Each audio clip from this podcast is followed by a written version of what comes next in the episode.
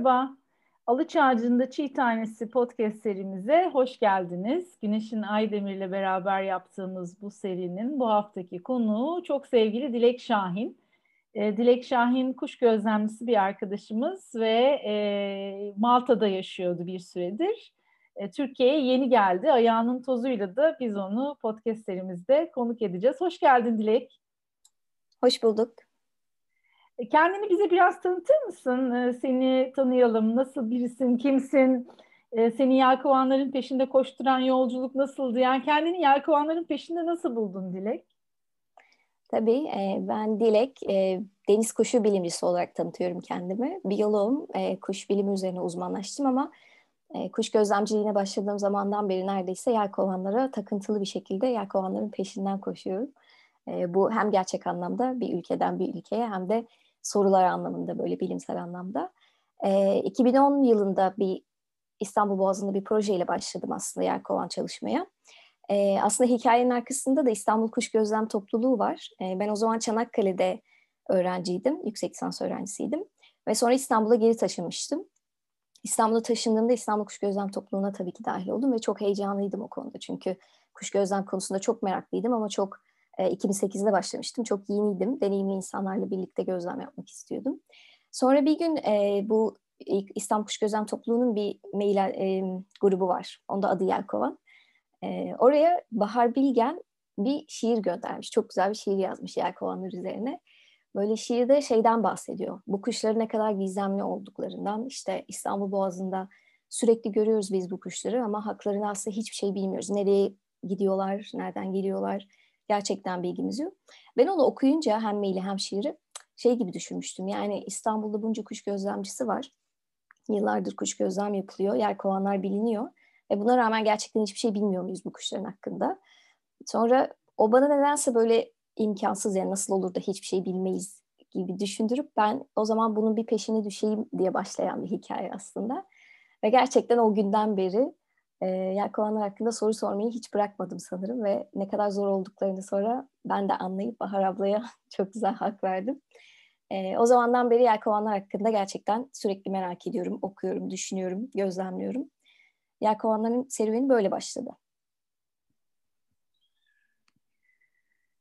Gerçekten e, Dilekçim yani bizler için, kuş gözlemcileri için büyük bir gizemi aydınlatıyorsun. O nedenle de ayrıca çok teşekkür ederiz. E, hakikaten e, o şiirde ifade edildiği gibi e, Boğaz'dan geçerken İstanbul'da kuş gözleme şansına erişmiş herkes için yelkovanlar gerçekten hani nereden geliyor bu kuşlar ve sürekli suyun üstündeler falan çok e, enteresan varlıklar hakikaten. E, peki yelkovanlar nasıl kuşlar? Bize biraz daha böyle e, yelkovan tanımamız için detay bilgi verebilir misin? Özelliklerini anlatabilir misin? Mesela nerede yaşıyorlar, ne yiyorlar, ne içiyorlar, hep havadalar mı? İsimleri niye yelkova? E, bunlardan bahseder misin biraz? Tabii ki. Yelkovan Akdeniz'e endemik bir tür. Akdeniz dışında başka bir yerde yaşamıyor dünyada. Akdeniz ve Karadeniz. Ee, ve çok ilginç bir aslında e, yaşam tarihi var. Akdeniz'de Cebeli Tarık Boğazı'ndan çıkmayan bir tür. Mesela Atlantik'e geçmiyor. E, ve Akdeniz'deki adalarda üreyen bir tür. E, Türkiye'de yine hala hakkında pek bir şey bilmiyoruz üreme konusunda. Her ne kadar araştırma yaptıysak da. E, Türkiye'de nerede ürediğini vesaire bilmiyoruz ama Türkiye'de de bir üreyen popülasyon olduğunu düşünüyoruz. Yelkovan orta boylu bir deniz kuşu diyebilirim. Tabi burada deniz kuşunu da bence bir tanımlamak lazım. Çünkü deniz kuşu deyince çok yaygın olarak insanların aklına genelde martılar geliyor ki o da bir deniz kuşu. Ama martılar karayla çok ilişkili türler ya da insanlar. Özellikle İstanbullular ya da e, daha kıyı şehirlerde yaşayanlar da bilir şehrin içine çok girmiş ve böyle insanla birlikte yaşamaya çok alışmış bir tür. E, tabii ki bu bir uyum insanın doğaya olan etkisi sonucunda. Ama yelkovanlar biraz daha deniz kuşu yani açık denizde ömürlerini geçiren. E, aslında belgesellerden albatrosları bilenler vardır. Yelkovanlar albatrosların Akdeniz'deki akrabası aynı aileden geliyorlar. E, dolayısıyla yaşamlarını bunlar açık denizde geçiren tamamen deniz kaynaklarına bağlı. Yani bir şey gibi düşünebiliriz aslında yelkovanları. Yunus gibi düşünebiliriz. Hani nasıl, Yunus nasıl e, deniz kaynaklarına muhteşem derecede bağlıysa e, yaşamak için aslında yelkovanlar aynı. Her ne kadar karaya çıkma e, özgürlükleri olsa da e, bunu aslında üreme dışında hiçbir zaman yapmıyorlar. Sadece üremek için karaya çıkıyorlar ve bunu da genelde insan gözünden uzak ve e, mesela gece çıkıyorlar, ziyaret ediyorlar. E, bu tabii doğal olarak evrimsel süreçlerinde düşmanlarından ya da avcılarından değil kaçınmak e, konusunda bir adaptasyon ama bu bizim için tabii şeyi daha çok zorlaştırıyor. Yelkovanları anlamak, çalışmak konusunu. Çünkü bizim için çok e, zor ortamlarda ürüyorlar ve e, gece geldikleri için de bizim için dolayısıyla zor, çalışmak için zor şartlarda üremiş oluyorlar. E, çok yavaş üreyen türe, ben onları yavaş üreyen türler olarak tanımlıyorum. Senede sadece bir yumurta bırakıyorlar, bir yavru yetiştiriyorlar. Hem e, dişi hem erkek ebeveyn bu yavrunun yetiştirilmesi için enerjisini harcıyor ve gerçekten uzun bir yavru bakım evreleri var. E, dolayısıyla popülasyonları böyle çok hızlı artmıyor. Yani bir senede bir çift e, onlarca yumurta bırakmıyor. Öyle olunca da hem deniz kaynaklarına bağımlılar ki insan etkisini denizde, e, insan faaliyetlerinin denizdeki etkisini biliyoruz. Hem de bu şekilde yavaş üreme stratejileri olduğu için aslında e, nesilleri tehlike altında türler. Çünkü çok fazla tehditle yüz yüze geliyorlar hem denizde hem karada. E, dolayısıyla popülasyonları da azalan türler yelkovanlar. Ama bir taraftan İstanbullular özellikle bilir. İstanbul Boğazı'nda sürekli uçarlar. Yani bir yerden bir yere konarken çok görmeyiz. Yine kondukları yerler de var. Ee, ama şey vardır yani İstanbul'da çok çok fazla görülen. Dolayısıyla insanlar aslında onu gördüklerinde hani bu mu azalan tür diye biz İstanbul Boğazı'nda sayım yaparken en azından böyle tepkiler alıyorduk. Ee, ama evet nüfusları gittikçe azalıyor. Ee, Yelkova'nın ismi de aslında çok enteresan ismin hikayesi. Yani ne kadar doğru çok bilmiyorum ama e, hikaye şunu söylüyor. Yelkovan'ı tanımlayan bir bilim insanı tarafından Yelkovan'ın tanımlandığı ilk örnek İstanbul Boğazı'ndan toplanmış balıkçılar tarafından. E, ve bu örnekler e, bu bilim insanının eline ulaşırken bir şekilde bir isimle ulaşmış. O da Yelkovan. Yani aslında Latince ismi, bilimsel ismi de Türkçe'ye dayanıyor. E, Yelkovan da hani bizim bildiğimiz saatin yelkovanından ziyade aslında yel kovalayan anlamında olduğunu düşünüyoruz. E, ve gerçekten deniz kuşları hayatını bu kadar açık denizde geçirdiği zaman tabii ki bir ekonomik uçuşa sahip olmak zorundalar. Nasıl leylekler çok uzun mesafe kat ederken e, süzülerek göç ediyorsa, rüzgarı kullanıyorsa mesela, yelkovanlar da ya da deniz kuşları da aslında aynı şekilde. Sadece farklı bir süzülme stratejisi kullanıyorlar denizde. Ama e, denizde çok e- ekonomik bir şeyleri var, e, uçma yöntemleri. Bunu da rüzgarı kullanarak yapıyorlar. E, zannediyorum ismi de oradan geliyor, yel kovalayan anlamında. E, o da çok güzel bir hikaye Türkçeden geliyor olması. E, İstanbul Boğazı'nın bence gerçekten temsili kuşları yapıyorlar yelkovanlar. Nefis kuşlar ben çok seviyorum. Gördükçe de heyecanlanıyorum Dilek. Yani bu hikayeyi de bilmiyordum isminin nereden geldiğini. Yel kovalayansa eğer gerçekten ismini de hak etmiş. Hak eden bir şey olmuş. Ee, ben şunu da sormak isterim sana. İki tane tür var e, Türkiye'de görülen boz yelkovan ve yelkovan. Sen hangisini çalışıyorsun? İkisini mi çalışıyorsun? İkisinin farklarını bize biraz anlatabilir misin? Ve yelkovanlarla ilgili hem Türkiye'de hem Malta'da çalışmalar yaptın. Ne çalıştın, ne öğrendin, neyin peşinde koştun, hangi soruları araştırdın? Ee, bundan sonra da hangi soruları araştırmaya devam edeceksin? Onu da bize anlatır mısın? Tabii. E, Türkiye'de dediğin gibi Burcu iki tür var. Yelkovan ve boz yelkovan. E, ikisi de birbirine çok yakın ama bir taraftan da çok farklılar aslında. Boz yelkovan daha büyük olan e, bir tür.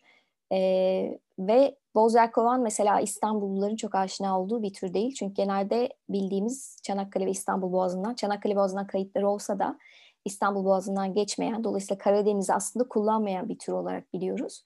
Boz yelkovan daha çok Ege'nin ve Akdeniz'in kuşu aslında Türkiye kıyılarını düşündüğümüzde. E, yelkovansa her yerde aslında. Biraz daha küçük ve daha e, hızlı uçan, daha büyük sürüler oluşturan boz yelkovan mesela daha böyle tek tek e, görebildiğimiz bir tür denizde. Ve boz yelkovan biraz daha gözden uzak bence. O da boğazlar sebebiyle. Yani İstanbul ve Çanakkale boğazlarında yelkovanı daha fazla gördüğümüz için bence yelkovan biraz daha insana daha tanıdık bir tür. E, ben daha çok yelkovan üzerine çalıştım. E, yani Yelkovan'la başladım ve bugüne kadar Yelkovan'ı çalışıyorum. Ama mesela Malta'da çalışırken e, her üç aslında Türkiye'de görülen üç deniz kuşu, gerçek deniz kuşu diye benim adlandırdı bu açık denizde yaşayan yelkovan, boz yelkovan ve fırtına kırlangıcı var. Bu üç türü de biz Malta'da çalışıyorduk. Bu üç türde aslında Akdeniz'de, e, Akdeniz adalarında yaygın olarak birlikte de görülebilen türler. İstanbul Boğazı'nda yelkovanla ilgili çalışmamız şöyle başladı. Şu soruyla. E, bütün BirdLife partnerliği o zaman e, yelkovan üzerine kafa yoruyordu ve bütün Akdeniz'de üreme alanları az çok biliniyor. E, ve biz üreme alanlarından sürekli bu türün az, popülasyonun azaldığını dair bir sinyal alıyoruz. E, ama diğer taraftan bu türün yoğunlaştığı bir boğaz sistemi var. İşte Çanakkale ve İstanbul boğazları. Ve hani biz acaba bu boğazlarda bu çok dar alanlar olduğu için kuşu görmek çok daha kolay özellikle gündüz. Biz bu alanlarda acaba bu kuşun sayımlarını yapsak bir şey çıkartabilir miyiz? Hani bize bir e, bu bilgi işimize yarayabilir mi popülasyonun azalışını anlamada? Ve aslında böyle bir e, keşif çalışması olarak başladı 2010 yılında. Doğa Derneği'nin Türkiye'de, e, Doğa Derneği'nin getirdiği bir çalışmaydı. E, ve biz öyle bu İstanbul Boğazı'nda saymaya başladık kuşları. Yani aktivitelerini aslında izlemekti amaç. Bütün sene boyunca düzenli sayımlar yaptık ayda iki defa. E, ve aslında o sayımlar bir senelikti ama biz sonra İstanbul Kuş Gözlem Topluluğu'nun da desteğiyle o sayımları gönüllülerin katılımıyla devam ettirdik ve sayımlar dört seneye kadar çıktı. Ve şunu gördük dört senede elimize e, ortaya çıkan böyle çok güzel bir grafiği var aslında. Sayıların yıl boyunca artışı ve azalışı çok böyle kendine e, has ve her sene kendini tekrar eden bir desene sahip. E, ve bu desende Şubat ayında sayılar çok yüksek sayılara ulaşıyor aktivite. E, böyle çok kalabalık sürüler görüyoruz ve mesela kaydettiğimiz bizim bu sürülerin tek bir yöne gitme yani şöyle iki yöne giden yer kovanları sayıyorduk. Tabii ki bunda çifte sayım ihtimali yani mesela bir kuş gidiyor sonra bizim göz, görmediğimiz bir yerden geri dönüyor önümüzden geçiyor biz onu tekrar sayıyoruz olabilir. Ama bu Şubat ayındaki aktivitenin en yoğun olduğu günlerde hep tek yöne sayımlar yaptık biz. Dolayısıyla yelkovanlar aslında bir yerden gelip bir yere bir şey için gidiyorlardı. Bu da muhtemelen besinle tetiklenen bir mevzu. Ve kaydettiğimiz sayılar da bütün Akdeniz'de tahmin edilen var olduğu düşünülen popülasyona eşdeğer sayılardı. Biz 90 bin saydık. 4 saatte tek bir yöne. E, Karadeniz'den Marmara'ya giden. Ve aslında bu sayı 90 bin Akdeniz'de yaşadığı tahmin edilen en yüksek sayıda yelkovan.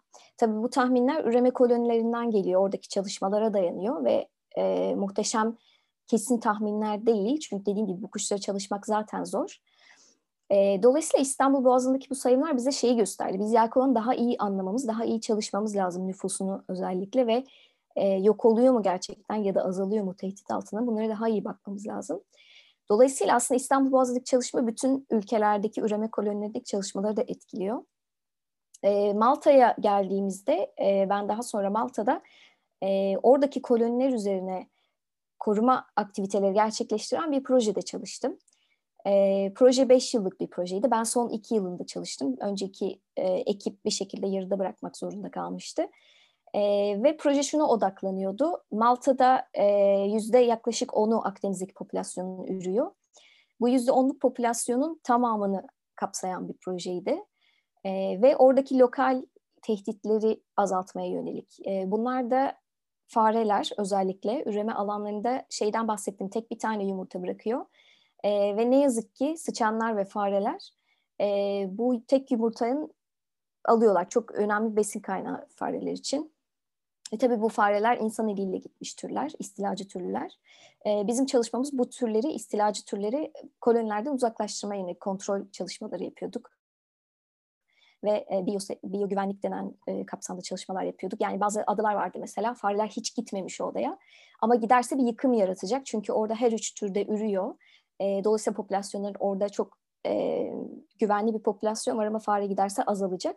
Bizim görevimiz orada o adayı biyo güvenlik şeyinde kapsamında tutmaktı. Yani tedbirler almak ve farelerin oraya geçmesini bir şekilde engellemek.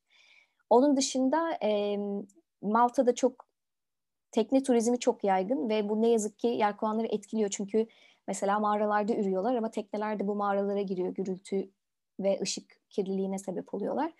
Onu azaltmakla ilgili e, oradaki e, Ulaşım Bakanlığı diyeyim, e, Ulaştırma Bakanlığı yaptığımız bir şey vardı, çalışma vardı.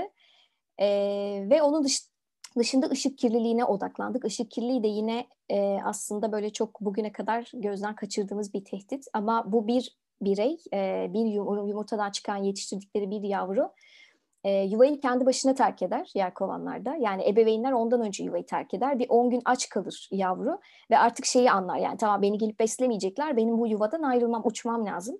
O onu tetikleyen şeydir. E, fakat bunlar ilk defa uçmaya kalktıklarında o karanlık normalde e, oyuklar içinde ürüyorlar. O karanlık oyuktan çıktığı zaman e, bizim düşündüğümüz tabii ki bu kanıtlanmış bir şey değil henüz ama bir şekilde denizde kullandığı bir e, kendini yönlendirmek için kullandığı referanslar var ve mesela ay ışığının bunlardan birisi olduğunu düşünüyoruz. E, tabii eminim çok daha detaylıdır bu konu. E, fakat ışık kirliliği varsa, yoğun ışık kirliliği yuvaların etrafında, e, parlak beyaz bu led lambalar mesela, onlara yöneliyor.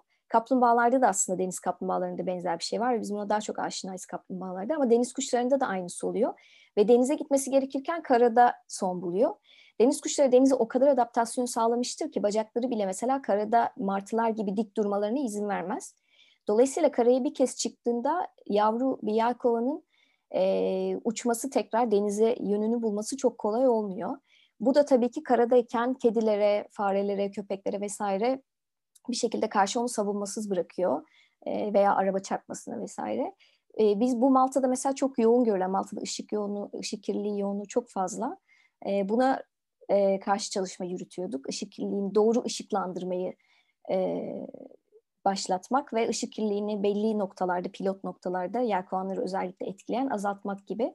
Ve bunun mesela her yerde bir problem olduğunu düşünüyoruz ama her yerde çalışılmaya başlanmış bir konu değil. E, kısaca Malta'daki proje bu üç tehdide odaklanıyordu ve e, kısa zamanda aslında büyük e, şeyler başarmış bir proje oldu bir taraftan. Şimdi oradaki çalışma sonlandı, yeni bir projeye başlıyor. E, o da daha çok bu sefer balıkçılığa odaklanıyor. Denizdeki tehditlere, karadaki tehditleri çünkü azaltmayı başardık. Bu sefer e, denizdeki tehditlere odaklanacak bir çalışma başlıyor. E, yani böyle aslında yelkovanlar hani daha iyi tanıyoruz tabii ki şu anda her yerde. Hala azaldığını biliyoruz ama bu tehditler böyle e, etkin yönetimle azaltıldıkça aslında bir şekilde kendini toparlıyor nüfusları. Onu gösteriyor bize bu çalışmalar. Evet yani e, aslında dinledikçe bu çalışmaların bütüncüllüğü de beni çok etkiliyor. Yani sadece kuşun, e, türün e, ihtiyaçlarına odaklanılsa bile bir noktada işin içine sosyal sistemler, e, işte diğer ekosistemin diğer canlıları onlar da giriyor. Çok çok güzel, çok kapsamlı. Ellerinize sağlık. E, peki bu e, yelkovanlar haricinde de tabii denizde çalışıyorsun ve başka çalıştığın deniz kuşları da var mı? Türkiye yani aslında şöyle deniz kuşlarına sanırım Akdeniz içerisinde bakarken aslında hep üç türe odaklanan çalışmalar görüyoruz ya da aslında üç türün de ötesine mesela ada martılarını ve tepeli karabatakları da keza onlar da tehdit altında türler e, de dahil eden çalışmalar görüyoruz. Benim de yaptığım aslında çok farklı değildi. Türkiye'de mesela yelkovanlar üzerine e, üreme alanlarını araştırırken adalara Ege ve Akdeniz'de özellikle birkaç tane adaya gidip orada üreme var mı yok mu diye bakarken aslında her üç türü de kapsayacak şekilde bakıyordum. E, aslında şey denemez tabii ki Türkiye'de hala üreyen popülasyonları bilinmeyen türler. Türkiye'de bunları çalışmadım. Ama Malta'da yaptığımız çalışmada her üç türü de aslında kapsıyorduk. Her ne kadar proje tamamen yelkovana odaklanıyor olsa da. E, mevsimler de biraz birbirini yani üreme mevsimleri de bu türlerin birbirini tamamlıyor. Genelde benzer zamanlarda üreme alanlarında oluyor. Yani mesela Yelkovan Şubat'la e, Temmuz arasındayken üremesi Malta'da Boz Yelkovan'ın işte Mart-Nisan ayından başlayan Ekim ayına kadar giden e, keza fırtına kırlangıcı biraz daha Yelkovan'a yakın. Dolayısıyla biz araziye çıkmışken aslında üç türü de kapsayan çalışmalar yapıyorduk ama çalışmalar aslında temelinde çok benzer üç türe de. Özellikle popülasyonlarının e, nasıl sağlıklı mı değil mi onu biraz ölçümleyen ve nüfus yoğunluğunun nasıl gittiğini biraz daha bakan çalışmalar yürütüyorduk. Bu da e, markalama yöntemleriyle yapılan yani kuşlara halka takılarak e, ve dolayısıyla sonrasında da belli matematiksel modeller kullanarak o nüfusun tahmini. E, bir de yuvaları kontrol ederek yani diğer iki türde deniz kuşlarına ortak olan bir şey tek bir yumurta bırakmak. Diğer iki tür de aynı şekilde ürüyor ve onlar da yine zorlu şartlarda yani bizim için zorlu olan şartlarda oyuklar içinde vesaire ürüyorlar. Bizim yaptığımız biraz daha işte bir yumurta bırakmış e, ama o yumurta yavru evresine erişti mi yani yavru yumurtadan çıktı mı Çıktıktan sonra üçüncü bir kontrolde de yavru sağlıklı bir şekilde palazlanmış mı onlara bakmak.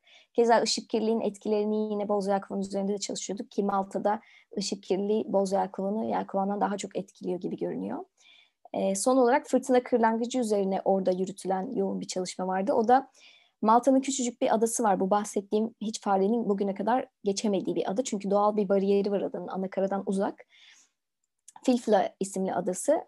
Ve bu ada aslında zamanda 60'lara kadar İngilizlerin e, atış talimi yaptıkları bir alan olarak kullanılmış. Hala böyle dev mermilerin bulunduğu bir ada. Ve e, BirdLife Malta o zaman e, daha farklı bir isimle.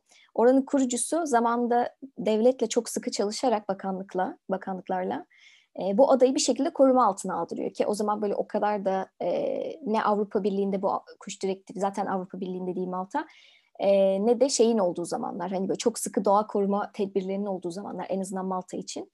Ve aslında çok büyük bir başarı. O adayı tamamen koruma altına alarak e, 60'lardan itibaren orada fırtına kırlangıcın çalışmaya başlıyorlar. Ve çok böyle bence çok duygusal bir şey çünkü bu insan ben de tanıdım belli kısmını bu insanların. Bu insanların gençken başlattığı ve gerçekten zaten zor çalışma şartları deniz kuşları için daha da zor. Teknolojileri yok o zaman işte o kadar tedbir, güvenlik. Mesela biz sürekli tırmanış e, ekipmanlarıyla çalışıyorduk. Güven, güvenliğimizi maksimuma çıkartmaya çalışıyorduk.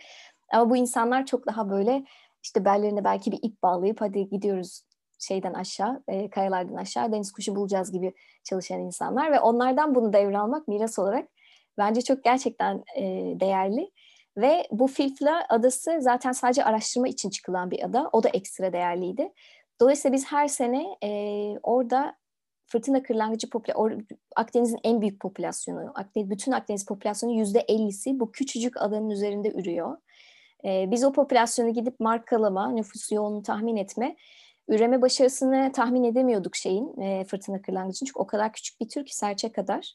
E, bir oyuk yani oyuğa girdiklerinde o oyuğa elimizin sığdığı bile bir oyuk değil zaten. Dolayısıyla hani onun yelkovan ve boz yelkovandaki gibi işte yumurtasını bıraktı mı yavrusu çıktı mı diye kontrol etmek çok zor. Ee, çok teknolojiyi muhtemelen çok ilerletmedikçe bilebileceğimiz sorular değil bunlar. Mesela üreme başarısı nasıl gidiyor? Belki kutu yuvalarla çalışmaya başladık. Şimdi tahta mesela normal ormanlara koyduğumuz kutu yuvaların benzerini onlar için yaptık. O tabii erişimi kolaylaştırıyor. Ee, bu şekilde üreme popülasyonuna yönelik daha çok çalışmalar yürütmüştüm. Bir de Türkiye'de sadece ekstra e, balıkçılarla birlikte ufak bir başlattığımız hedef dışı avlanma balıkçılıkta bu balıkçı oltalarına takılarak ölmeleriyle ilgili çünkü balığın peşinde deniz kuşu ve balıkçı da balığın peşinde. Dolayısıyla hani kesişiyorlar denizde balığın bol olduğu yerlerde ve balık oltalarına bir şekilde e, veya ağlarına takılıp ölüm oranları da yüksek. Bu tabii çok gereksiz bir ölüm. Ne balıkçı istiyor e, oltasına deniz kuşu takılmasın çünkü o zaman da verimliliğini düşürüyor. Ne de biz yer kovanların bu şekilde hani yok yere kaybolmasını istiyoruz. Dolayısıyla ona çözüm bulmak amaçlı aslında biraz ölçümlemek amaçlı Türkiye denizlerinde ne oluyor küçük ölçekli balıkçılıkta diye öyle bir ufak bir çalışmamız olmuştu. Çok heyecan verici çalışmalar diye her birini ayrı ayrı açmak gerekir. Mesela hakikaten merak ettim balıkçılarla e, yaptığınız çalışmanın etkilerini, buradan sonra o nereye gider, nasıl e, işbirlikleri yapılır diye. E, süre nedeniyle bunların hepsini ele alamayacağız maalesef ama belki önümüzdeki haftalarda yeniden başka soruların üzerinden konuşma yapabiliriz. Ben son olarak sana deniz kuşunu, yelkovanını tanımak isteyen insanlara önerilerini öğrenmek isterim e, nereye baksınlar? Hala sayımlar yapılıyor yap, yapılıyor mu? Nasıl katılabilirler? E, bu kuşlar hakkında nasıl bilgi edinebilirler? Onu da paylaşabilir misin bizimle? Tabii e, ben İstanbul'da yaşıyorum. Özellikle hani daha çok İstanbullulara yönelik tavsiye aslında verebilirim. E, İstanbul'da Şubat ayında bu sene sayım yapmayı planlıyorum. Çünkü o şeyi bir görmek istiyorum aktivite nasıl gidiyor. Her zaman onu Şubat ayında yakalayamıyorduk çünkü. Bu da genelde Şubat'ın ilk 10 günü gidip İstanbul Boğazı'nın en dar noktalarından birisi Rumeli Hisarı'ndan e, yelkovanları gözlemlemek aslında veya sayılarını kaydetmekle ilgili. Ama İstanbullular aslında her an neredeyse yelkovanları İstanbul Boğazı'nda özellikle görebilirler. E, kesinlikle tanımak istiyorsanız İstanbul Boğazı civarında bir yürüyüşe çıkın derim. Ve e, gözünüz denizde olsun. Denizin hemen üzerinden çok yüksek değil belki birkaç santim 50 santime kadar sürü halinde böyle çok acelesi varmış gibi bir yerden bir yere uçan kuşlar görürseniz onlar yelkovanlar. Ve eğer görürseniz yelkovanları kesinlikle nasıl uçtuklarına dikkat etmeye çalışın. Özellikle daralan noktalarda bunu çıplak gözle görmek mümkün. Kanatlarını nasıl kullandıklarını, aslında rüzgarı nasıl kullandığını görebiliyorsunuz uçarken. Ve isimlerin neden yelkovan olduğunu belki hani çok daha rahat anlaşılabilir o şekilde. Ee, onun dışında boz yelkovan ve diğer türler için Türkiye'de biraz daha denize açılmak lazım. Özellikle Ege ve Akdeniz kıyılarında. Ama mesela Türkiye'de yine bazı noktalarda İzmir, Alaçatı'da e, bir dar boğaz gibi aslında orası bir fiziksel anlamda bir boğaz değil. Ama yelkovanların İstanbul Boğazı'ndaki gibi yoğunlaştığı noktalar olduğunu e, bir kuş gözlemcisi ortaya çıkartmıştı. E, yani aslında biraz gözün denizde olması ve hani bu sürü halinde yelkovanlar için sürü halinde uçan boz yelkovanlar içinse böyle çok daha uzun ve ince kanatlı yine aynı şekilde rüzgarı çok profesyonel bir şekilde kullanan açık denizde böyle rüzgarla sürekli süzülen dalgalar üzerinde bir kuş aslında görmek işi. E, ama evet yelkovanlar için Çanakkale ve İstanbul Boğazı en kolay noktalar. Çok teşekkürler. Ee, peki Şubat ayındaki bilgiye nasıl erişebiliriz? Mesela nasıl duyabiliriz? Nereden duyabiliriz? Bir sayfası, bir adresi var mı? Yoksa kulaktan kulağa mı yayılacak bir bilgi olacak? Projenin aslında e, Türkiye'de Yelkovan İzleme Projesi isimli bir web sayfası ve e, web e, sitesi ve şeyi vardı Facebook sayfası. Yani aslında şu an çok aktif değil çünkü çok uzun zamandır bir şey yapmadık üzerine. Bu gönüllü e, eforuyla oluşmuş bir projeydi. Eğer bir sayım olacaksa kesinlikle oradan duyurulur.